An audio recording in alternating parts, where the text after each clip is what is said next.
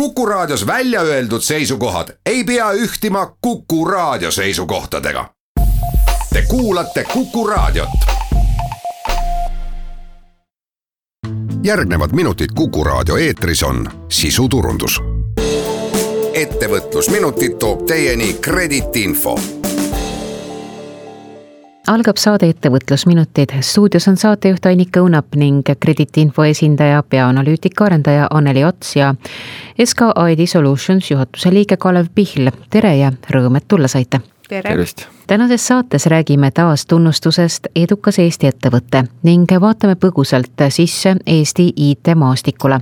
uurime, kuidas on tunnustusest kasu teenust pakkuvatele ettevõtetele, aga esmalt krediidiinfo annab välja iga-aastast tunnustust Edukas Eesti ettevõte seda on tehtud juba kaksteist aastat, ent sel aastal anti välja ka eksklusiivne tunnustus Edukas Eesti ettevõte kaks tuhat neliteist kuni kaks tuhat kaheksateist miks sellel aastal otsustasite viie aasta tunnistusega välja tulla? viie aasta eduka Eesti ettevõtte eksklusiivne tunnistus äh, tuli mõte sellest, et ähm, kakskümmend viis aastat oleme turul tegutsenud ja sellise juubeli puhul otsustasime ka ettevõtetele mõelda välja midagi eksklusiivset ja, ja eripärast.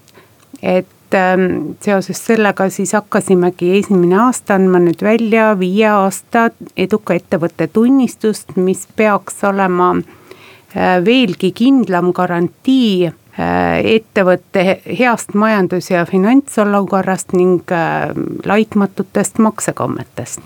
millised need ettevõtted on, kes saavad selle tunnustuse ja kui palju on neid juba kätte jagatud? Eduka Eesti ettevõtte tunnistust äh, tegelikult äh, saab, saavad ettevõtted, kes on viis aastat siis püsinud A-grupi reitingutes ehk kolm A, kaks A või üks A reitingut saanud viie aasta jooksul. ja selliseid ettevõtteid, kes äh, klassifitseeruksid sellisele tunnistusele, on sel aastal Eestis kuskil nelja tuhande ringis ehk kolm koma neli protsenti Eesti ettevõtetest mida see protsent nüüd täpsemalt tähendab, et kui nüüd Eesti kontekstis vaadata, on seda palju või on seda vähe? kuna meil varasem kogemus puudub sellel alal, siis otseselt niimoodi ei oska öelda, kas see on palju või vähe, aga, aga minu meelest on see päris hea protsent, eriti noh, kui vaadata nende ettevõtete arvu, et neli tuhat tubli ettevõtet, kelle, kes on ikka suutnud äh, pikaajaliselt olla väga edukad. ja siis vaatasime ka huvi pärast veel äh, kaugemasse ajalukku, et siis näiteks kellel on kaksteist aastat olnud A-grupi reitinguid, selliseid ettevõtteid on Eestis ka viissada lausa. no näiteks, kui krediitinfo peab nüüd oma kolmekümnendat sünnipäeva, et võib-olla siis annate välja neile ka mõne tunnustuse? No see on täiesti võimalik, et, et miks mitte.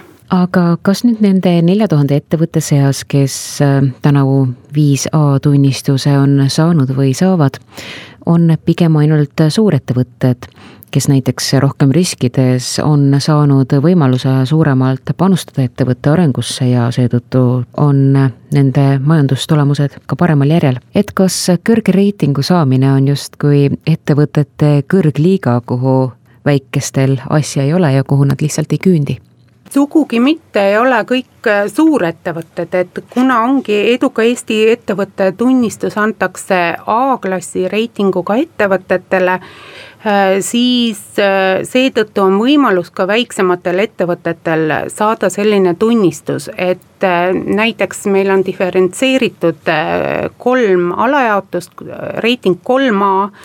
See on praktiliselt küll selline reiting, mida ainult suurettevõtetel põhimõtteliselt on võimalik saavutada edukate majandustulemuste ja hea maksekäitumisega aga ütleme, kaks A reitingut on võimalik ka saavutada keskmistel ettevõtetel hea, tublide tulemuste alusel.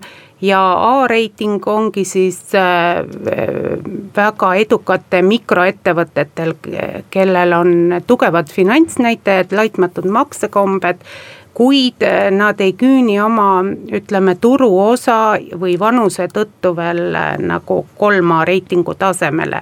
aga on siiski omas suurusgrupis täiesti edukad ja usaldusväärsed Kalev, teie olete ettevõtte esindaja, kes kuulub nende nelja tuhande ettevõtte hulka, kes tänavu on viie aasta tunnustuse pälvinud tegelete IT-maastikul ja pakute usaldusteenust. ettevõtted, kes tegelevad sarnaselt mõne usaldusteenuse pakkumisega, siis millele see tunnustus esmajoones kaasa aitab? Kindlasti selline tunnustus aitab just äripartnerite silmis usaldust äh, tõsta. just ka varasemates saadetes on jutuks tulnud partneritega koostöö ja usaldus teineteise vahel, millele erinevad tunnistused kaasa aitavad. kuid milline on siiski see info, millele tasub tähelepanu pöörata uue partneri tausta kontrollides või millist infot jälgida ka aeg-ajalt olemasolevate partnerite majandustegevuse kohta. võite siin näiteks tuua enda kogemuste pagasist näite, kuna vaatasin, et teil on koostööpartnereid tuhandeid nii siin kui sealpool piiri. krediidireitingut me küsime tegelikult krediitinfost äh, Baltikumis, ehk siis meil on äh, eelkõige keskendume Baltikumile, meil on niisugused partnerid, äh, kellest me kõige rohkem sõltume eelkõige nendes kolmes riigis. ja me pigem ei keskendu mitte uutele, kes tulevad, küll aga suuremad partnerid on tõesti peaaegu et kogu aeg meil jälgimisel, et milline on nende reiting ja mis nendega toimub. ise seda küll ei jaksaks teha kui palju krediitiinfo poole pöördutakse, kas oskate öelda umbes siis kas ühes kuus, et äh, kui palju neid päringuid tuleb? no neid päringuid on meil tuhandetes, enamus tuleb online keskkonna kaudu. et e-krediidi info on suurim äriinfoportaal ja, ja sealt ikkagi ma arvan, et isegi kümnetes või sadades tuhandetes. no ettevõtete puhul ongi peamine vist äh, pöördumise põhjus, et äh, hinnata, kas on maksehäireid, äh, kas nad on võimelised oma mm, maksud ära maksma ja kas nad on usaldusväärsed siis, jah?